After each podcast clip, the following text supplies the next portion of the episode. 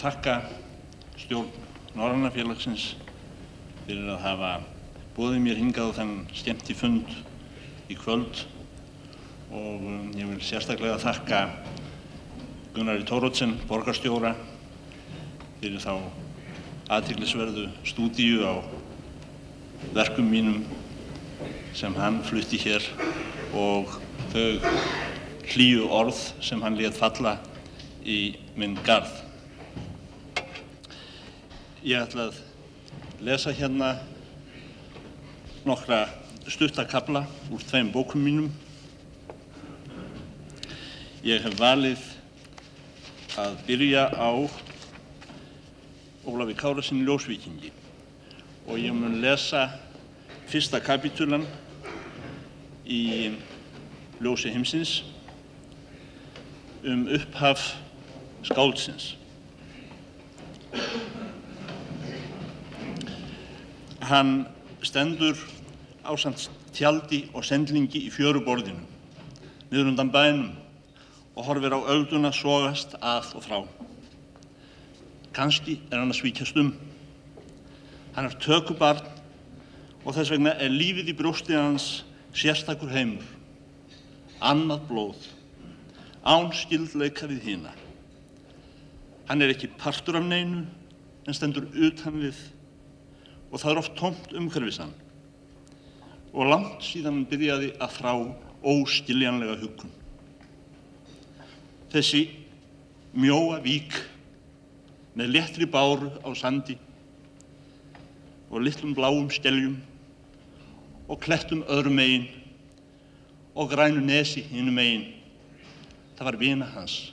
Hún hétt Ljósavík. Áttan þá öngvan að var hann þá engin góður nema þessi litla vík. Nei, engin góður. En það var heldur engin beinlínis vondur, þannig að hann þurfti að óttast um lífsitt. Það var ekki fyrir síðar. Þegar hann var hrektur, voru hrekkirnir mest í gamni. Vandinn er að kunna taka því. Þegar hann var hýttur, spratt hýfingin af nöðsin. Það var réttlætið. Um margt stóð honum aftur á móti á sama, Guði sér lof. Til dæmis kastaði eldri bróðirinn, Nasi, fjáreigandi og útgerðarmadur, fullri skál yfir móður sína, Kamarillu húsfreyju, þegar hann var að ganga niður stigan eitt kvöld. Honum stóð á sama um það. En þegar yngri bróðirinn Just, sem sömuleiðis var fjáreigandi og útgerðarmadur, leg sér að því að taka hann upp á eironum. Það var svo gaman að vita hvað elsku vinurinn þyldi. Þá stóð honum ekki á sama því miður. Þeir skáru hólur í fljótsbakkan inn í dalnum að voru til og seldust þær í sílung. Köstuðu síðan lifandi urriða á drengin þar sem hann vappaði grandalus í kring og sögðu, hann býtur. Þá var hann hrættur. Þá þótti þeim gaman. Um kvöldi letu þeir sílungs fjanda í skjólugarn, rétt hjá rúminans. Honum fannst djöfullum þeir í föttunni. Um kvöldið ætlaði hann að læðast niður í döðans ángist og flýja á náðir fóstru sinnar. Þá sögðu þeir, nú stökkur silungurinn úr spöndun og býtur þig. Þeir eru að skrögva þér, sagði húskonan Caritas, móðir Kristjánu vinnumegjar. Þá vissi drengurinn ekki hverjum hann átt trúa. Hann gæti nefnilega alls ekki verið örugur um neitt sem þessar meðgur sögðu. Þær voru mjög úteigðar. Einu sinni hafði hann glemt sér þegar hann átt að sækja hest. Hann hafði verið að hugsa um Guð og horfa á tvo fugla sem voru að vassla í sandin. Það þarf náttúrulega ekki að taka það fram að var hýttur fyrir að svítjast um. En meðan fóstra hans var að taka fram vöndin undan kottanum þá þurfti ekki hann Caritas endilega að segja Já, gott á, hann bölvaði hann ekki sem ónýtju ormin. Ungmærin Jana bætti við Já, alltaf að svítjast um. En þegar hann var flengdur þá var hann aldrei flengdur mjög mikið, bara duðlítið. Af því réttlæti Guðs er óumflýjanlegt. Guð refsar öllum sem svíkjast um. Svo var hann búin að flengja hann og hann hissaði upp um sig og þurkaði sér tárin og sög upp í nefið. Fóstra hans var farið nýður að taka til kvöldskattin. Þá kom ekkjan Karitas og strauk honum um vangan með lúkunni og sagði Iss, Guði er alveg sama hlægi mitt. Hvað ætla hann hafi tíma til að vera að skipta sér því? Ungmærin Jana fór inn á sig og tók fram volga hálfbráðnaða kandís, körtu sem hún hafði stólið í búrinu morgun og fyrtir að bryðja það og niður með það og ég drepi og þú segir frá. Svona voru þær e, góðar og kærleiksríkar og sangjarnar af því þær höfðu síðan flengdan og þegar þær voru góðar við hann fannst honum þær ekki vera mjög útöðar. Þær voru aldrei mjög vondar við hann þegar enginn heyrði til. Magnína heimasæta kendi honum að lesa. Það voru til rítjur af stafróskveri. Hún satt yfir honum eins og þúst og benti á stafina með bandprjóni. Hún sló hann utan undir ef hann sagði þrís var rámt til um sama stafin, en aldrei fast og aldrei í yllu, alltaf eins og annars hugar og honum var sama. Hún var dígur og, og hörð en blá framann í og hundurinn nærraði þegar hann þefaði. Hún gekk í tvennum svellþykkum sokkum vegna langvarandi fótakulda. Ítri sokkarnir voru alltaf niður um hana. Innri sokkarnir voru einnig stundum niður um hana. Hún rekti hann aldrei að gamni sínu og laug aldrei upp á hann til að koma hann með bölfun. Hendist aldrei sérstaklega á honum ef hún var í yllu skapi og sáð hann aldrei í velistæðin. En hún bjarga á hann aldrei þegar hann var hrektur eða lamin saglaus, tók aldrei málstæðans ef logið var upp á hann og var aldrei upprifin. Aftur á móti hafði hún til að gera á hann góðverk í hugsunarleysi. Það var saltsóðningin ónmat og kvöldin kássa og súr og lungabiti niðri. Stundum á kvöldin var bara súr og mjölk. En dagarnir voru mjög langir og ekki bjart til hafs að líta og gráði fjallinu hinnum yfir fjörðin og hún var ein á bastofloftinu með drengin og lífið virtist aldrei ætla að taka enda og aldrei taka betra við. Þá skrapp hún hann í búr og sótti sér lundastykki, súrsaða bringu, súrsaðan súspung. Drengurinn slefaði niður á hversla skræðuna og hún sló hann utanundur og spurði hvort hann væri að hrækja bókina. Síðan gaf hún honum bita af bringukolli alveg út í bláinn, án alls mannkjarleika eins og það verið náttúrlegt. Honum leið mjög vel í munninum og kokinu og öllum líkamannum dálítið stund. Hann las þjóðsögurnar átt ára gammal og smásugur Péturs og Lúkasar Guðspjall sem grætti hann af því Jésu Kristur var munaðlaus. Á postilluna hafði hann aftur á móti aldrei vanist að líta sem bók. Hann langaði ákaflega til að lesa meira, en það voru ekki fleiri bækur til nema einn, Felsenborgarsögurnar, sem Magnína heimasæta hefði tegjað erfðum eftir föður sinn. Þá bók mátti enginn lesa nema hún, það var lendarmálsbók. Hann langaði ákaflega að lesa Felsenborgarsögurnar og allar bækur í heiminum nema postilluna. Ef þú minnist oftar á Felsenborgarsögurnar þá hýði ég þig, saði heimasæta. Hann hefði snemma grunum að í bókum yfir leitt en í Felsenborgarsögunum sérstaklega fyndist svo óskiljanlega huggun sem hann þráði en kunni ekki að nefna. Magnína gaf hann forskrift en aðeins einu sinni aftur mátti ekki vera að því. Hún var svo lengi að búa til hvert staf. Það var heldur ekki til neitt pappir og þó hann væri til þá mátti ekki eða honum. Hann stalst til að krota með príkinu sínu í moldarflög eða á snjó en þetta var hann bannað og sagt hann skrifaði sig til skratta hans. Svo hann var að skrifa á sál sína. Kamarilla húsfræði var hatursmáður bókmenta. Þegar tók að bera á óeðlilegri laungundur engsins til að grúska í bókstöðum, þá sagði hann honum til varnaðar söguna af G. Grímsinn í grunnvíkingi. Hann skrifaði sig ekki Guðmund Grímsson eins og annað fólk, heldur skamstafaði sig og bínendi sig til að líkjast höfðingjunum.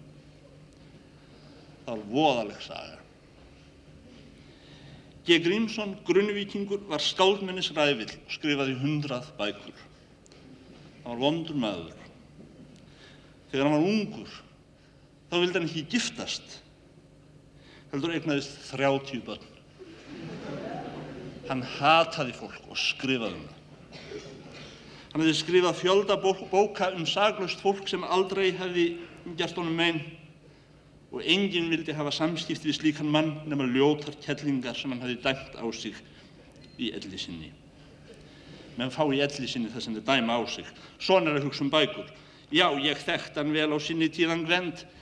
Einlegt var hann í bókum, aldrei vildi hann vinna fyrir sér og öðrum. Þetta var fantur og ég var bara unglingsskjátu kvikindi. Hann hókraði nú einn síns liðs í reysi með við fjöllin við annan fjörð og Guð refsað honum með húsleka og fleira. Þannig sér hann hvað hann hefur upp úr í. Hann satt í skinnstakki inn á palli og það lag á hann. Lag og lag, einn og einn drópi í einu og hann á skallan á honum af því að hann vildi ekki vinna fyrir sér og öðrum. Tveir og tveir og síttluðunir á hálsin á honum af því hann hafði verið allur í bókum.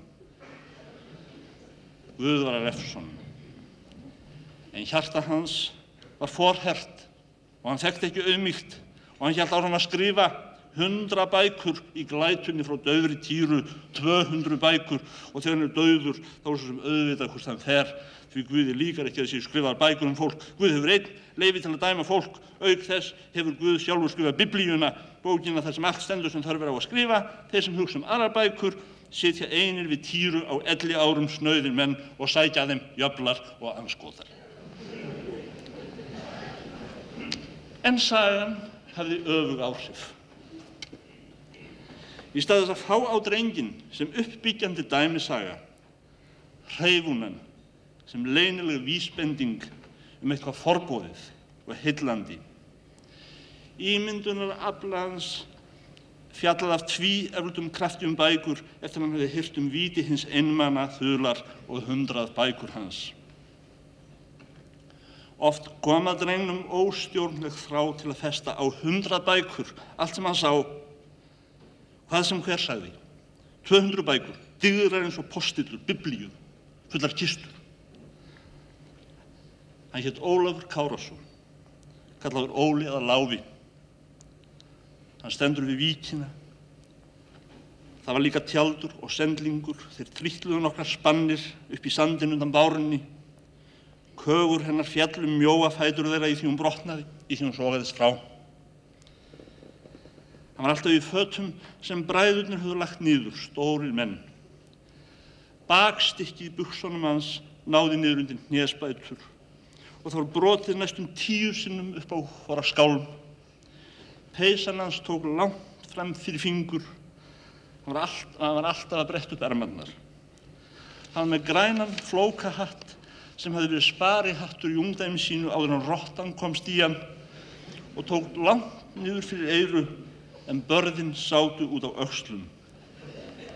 Hann ákvað að kalla sig Ó Kárasson Ljósvíking. Hann ávarpaði sjálfan sig með þessu nafni og talaði mikið við sjálfan sig. Ó Kárasson Ljósvíkingur. Þarna stendur þú, saði hann. Já, þarna stóð hann. Fóstra hans var að leita að týndum grip í ruslastokki og drengurinn stendur á bakvið hana. Þá kemur upp úr ruslinu rifrildi af gamallis glæðu. Má ég eiga, sagði Ókárason ljósvíkingur. Nei, pa, sagði húsfrú Kamarilla, svei því. En honum tókst samt að nálgast bókina á þess fóstra hans vissi og stakk henni inn á sig og gemdi hana á brjósti sér skamt frá hjartan. Hann reyndi að lesi henni í laumi en hún var með gamla letrinu og vantaði á hana titilblæðið. Í hvert skipti sem hann held að vera að byrja að skilja bókina kom einhver svo hann var að flýta sér að stinga bókinni inn á sig. Oft var hann mjög hætt komin. Hvað skildi standa í bókina þess? Hann gemdi sína eigin bók við sitt eigið hjarta og vissi ekkert hvað ég stóð. Hann var ákveðinn að geima hana þanga til að vera orðin stóð. En svo fór að detta upp úr henni blað og blað og það var þeim mun erfiðar að lesa hana sem hann kólaðist lengur með hana á berum sér. Það var eins og hann hefði dottið á henni feiti. Hann klæjaði oft á hjartanu undan bókinu. En það gerði ekki til. Það var leindarmálið eiga svona bók. Það var raunin nokkur konar athverf. En það þótt maður vissi ekkert hvað stóð á bókinni. Það vissum að það veri góð bók og það er gaman að eiga leindarmál ef það er ekki neitt ljótt. Maður hefur nóg að hugsa um á daginn, mann dreymir á nætunar. En á sumardaginn fyrsta komst leindarmálið upp. Húsfrú Kamarilla leta hann hafa nærfættaskipti eftir veturinn. Það gerðist inn á bæjarlofti um miðjan dag og hann varaði sig hjá því. Hann týndi af sér spjarinnar ein og eina. Hjarta hans sló mjög ótt. Loks fór hann úr skýrstunni. Þá var engin leið að leina bókinni framar. Hún datt á gólfið. Nú dámar mér, sagði fóstran. Drottin verið mér náður. Hvern anskotan sjálfan er batt fullin með inn á sjálfum sér. Kondu magnin á líkt á þessa fyrirmunum. Drengurinn stóð fyrir fram að þær, allsber og ángistarfullur og þær skoðuðu bókina vandlega. Hefur gefið þér þessa bók? Ég saman sem fa fann hana. Já, ekki spyrja því. Ekki nógu að vera með bók, heldur stóliðinn líka. Magnina átti hann fjandaðum til pottin strax. Þá fór hann að gráta. Það var svo harmakvöl sem hann mundi fyrsta. Hann var viss um að svona sárt hefði hann ekki grátið síðan hann var sendur burt frá móður sinni í póka á vetrardegi áður hann mundi eftir sér. Að vísu hafði henni aldrei skilið bókina, en það gerði ekki til. Það sem máliskipti var hitt að þetta var lendarmál hans og draumur hans og athvarf. Í einu orði sagt, það var bókin hans. Hann grét eins og börn gráta því aðeins þau verði fyrir rángleiti af þeim sem er meiri máttar. Sá er sárastur grátur á jörðum. Svona fórum bókina hans. Hún var tekin á honum brend. Hann stóð eftir nækinn og bókális á sumardaginn fyrsta.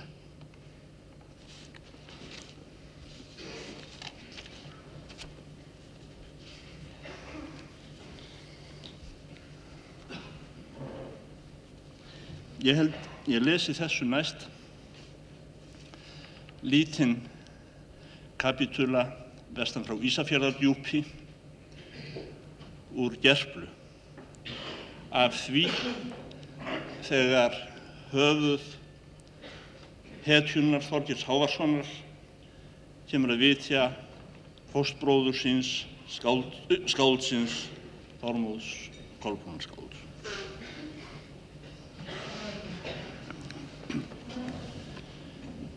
Djúpið hefur ljós af því ljósi er menn hafa í fornum spjöllum kent við gimlið. Þórdís Kölludóttir að ögri ríkir í þvísa ljósi. Að sönnu eigi forvitin mær sem lætur inn leikmanninum nótt í gegn vilja sjálfrar sín heldur mikilsverð húsfreyja í jæskufullu héræði. Stilt í máli og þó heit. fast eig og þó leikinn híminbláma augum. Hárið öskulítara en verið hafði í bernsku og þó jafn stort.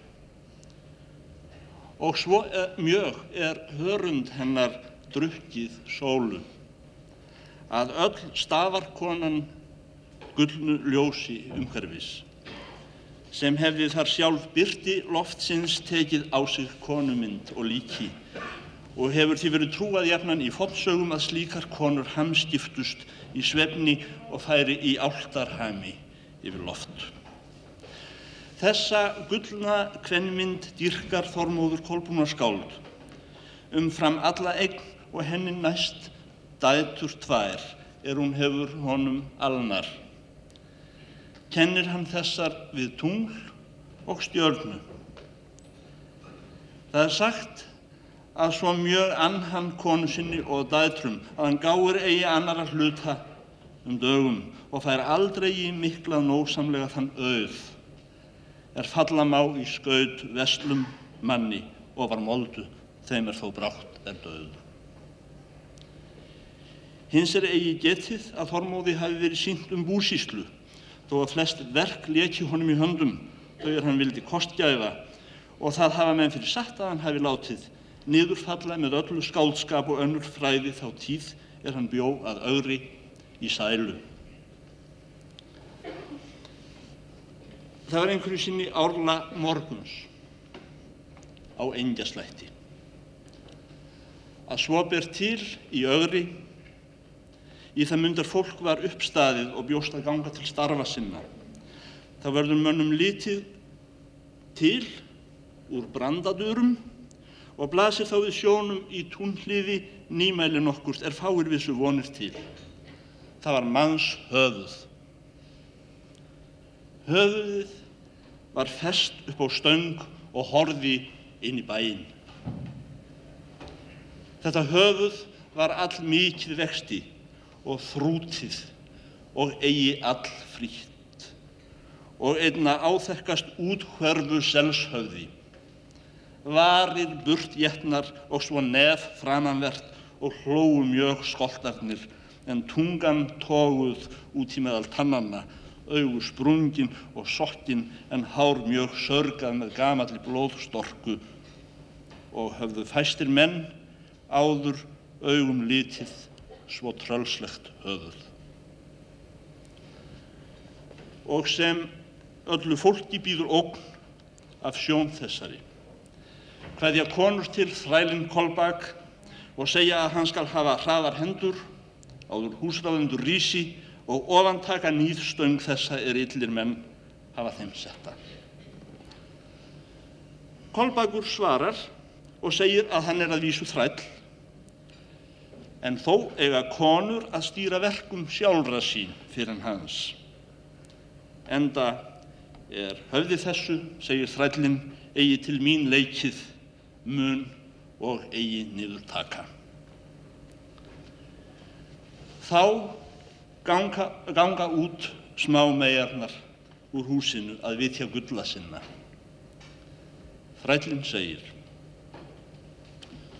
Snúiðinn meilur smár og segir móður ykkari að hér stendur það höfuð í þjóðhlýði er hún má einn fyrir koma ef hún vill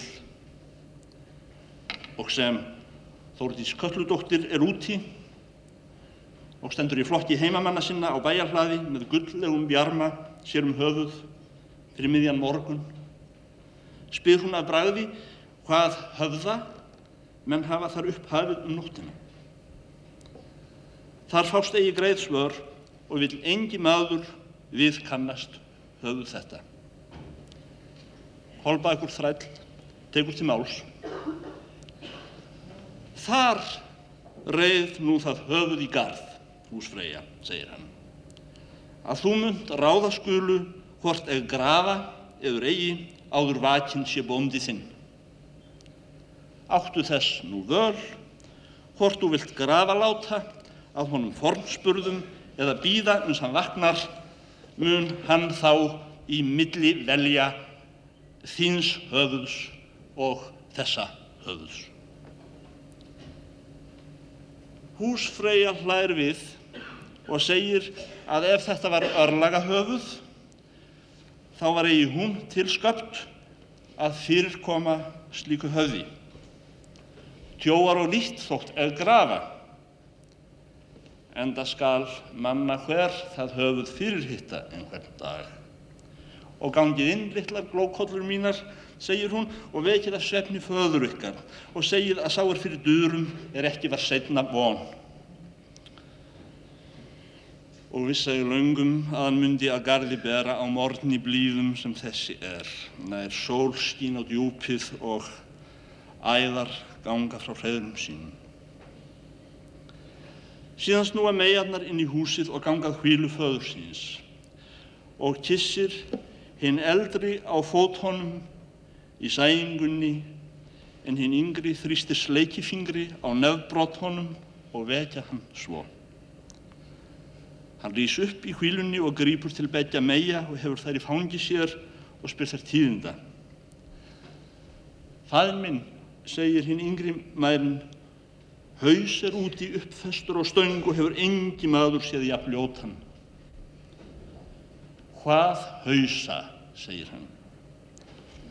Þá svarar hinn eldri mærin, ég hygg faðin minn að þær sé komin djöfull karl.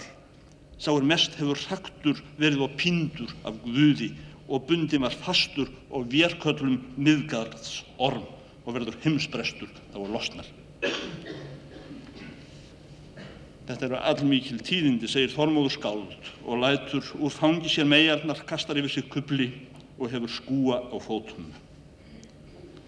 Síðan gengur hann út og er hann kemur í dyr, sér hann að húsfreyja stendur á hlaði og allt fólk hans stara menn á höfuð þetta yfir mikla og ljóta og finnst öllum mikið til um höfuðið og undrar hverja leið höfuð er þangað komið.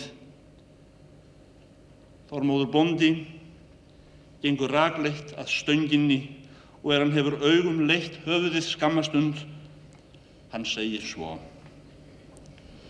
Glögt kenni ég höfuð, þótt eigi sé mér kunnar allar þess farar, er hér komið höfuð Þorgirs Hávarssonar, svara bróður míns, að vitja vor. Og í þessum sínum orðum liftir hann höfðinu af stönginni og kissir en þá setur gráð mikinn að smámegjum ef það sjá föður sinn minnast til svo óúrlegs höfðus. Þormóður Kolbrúna skáld byður menn forðast alla vanstilli, svo gamla sem unga og segir að þetta höfuð skal vist fá af honum viðteikjur að verðleikum og vill hafa af húsfreyju guðvefjar dúk all góðan að sveipa höfuð þetta. Ber síðan gætilega á höndum til skemmu sinnar er þar stóð utar á hlaðinu. Síðan byður hann heimamenn sína ganga til verka.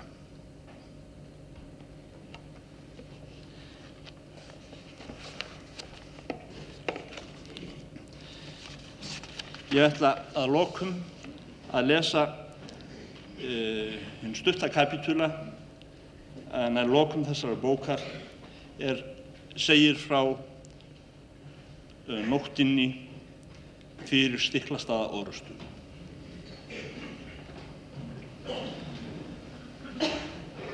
Nú mun eigi á þessa bók verða samanfært öllu fleira.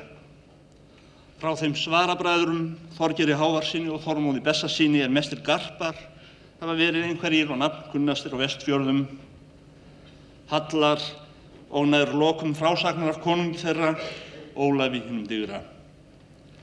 Hafa aðrir fræði menn, vitrari oss, til orðið að ebla fræð þeirra Þormóðarskálds og Ólafs konungs frá þeirri stundu er báðir lágu andar vanir að stiklastöðum á morni hinnum næsta eftir niðurfall þessarar vorar frásögum.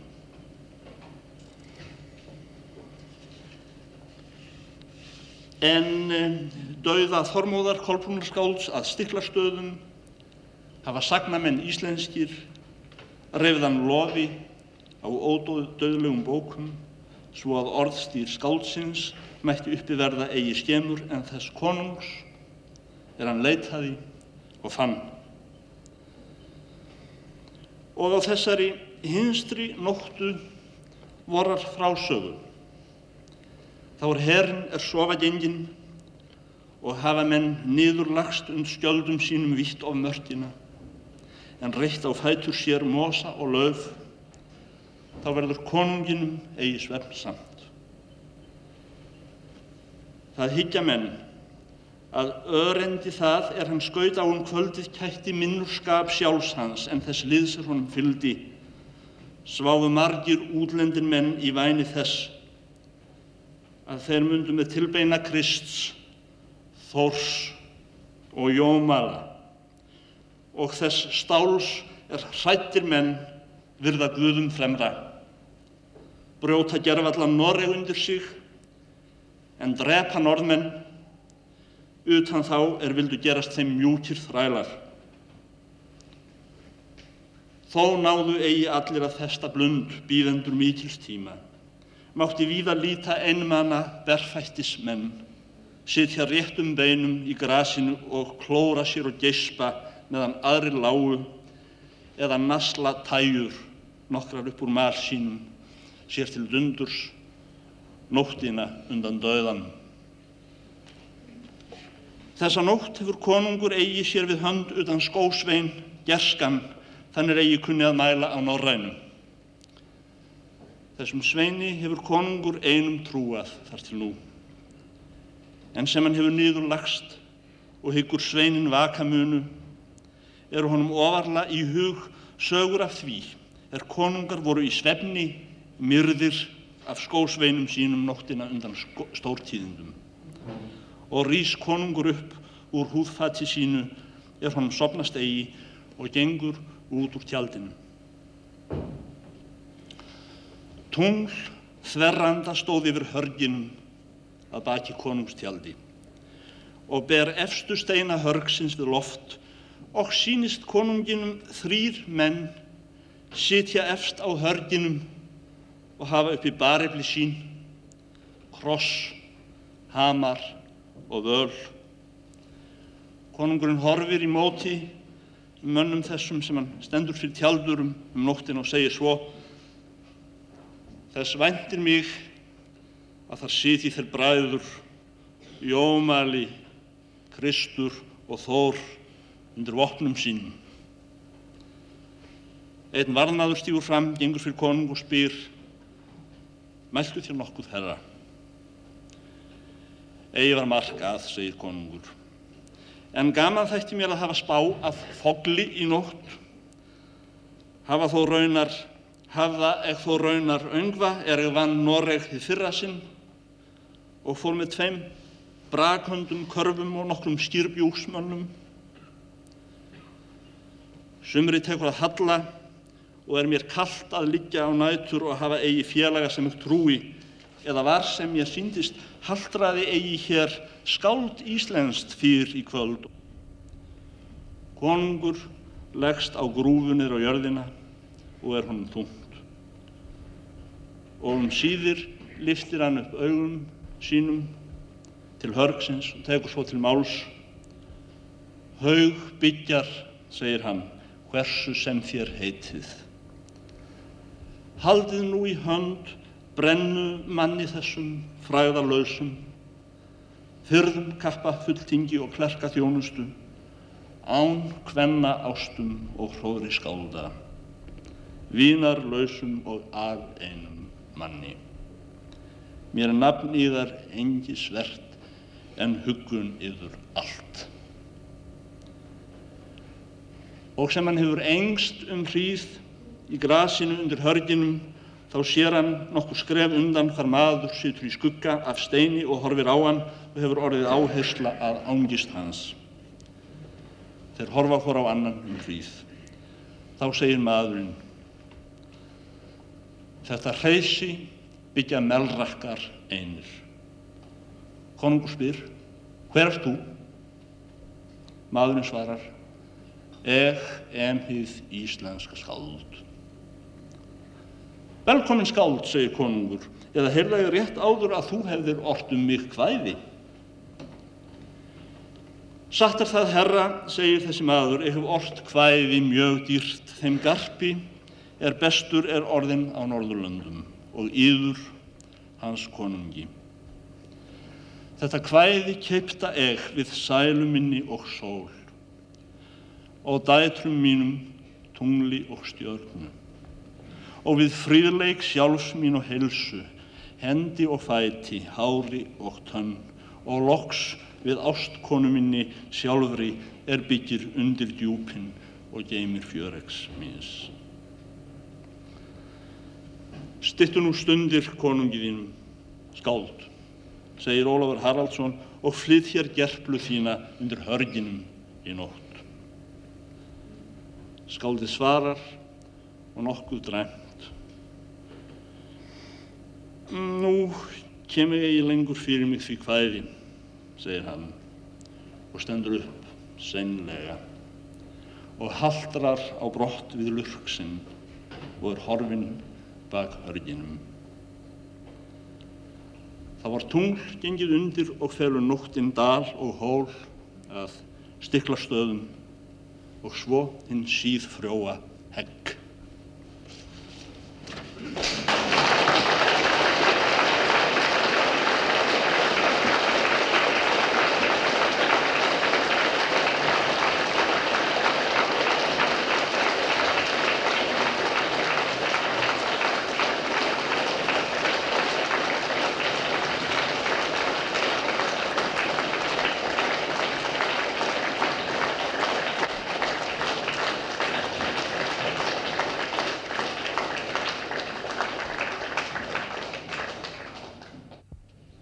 Um leið og við þökkum Lagsnes lesturinn vil ég byggja yfir öll að rýsa á sætum og hylla skáldið.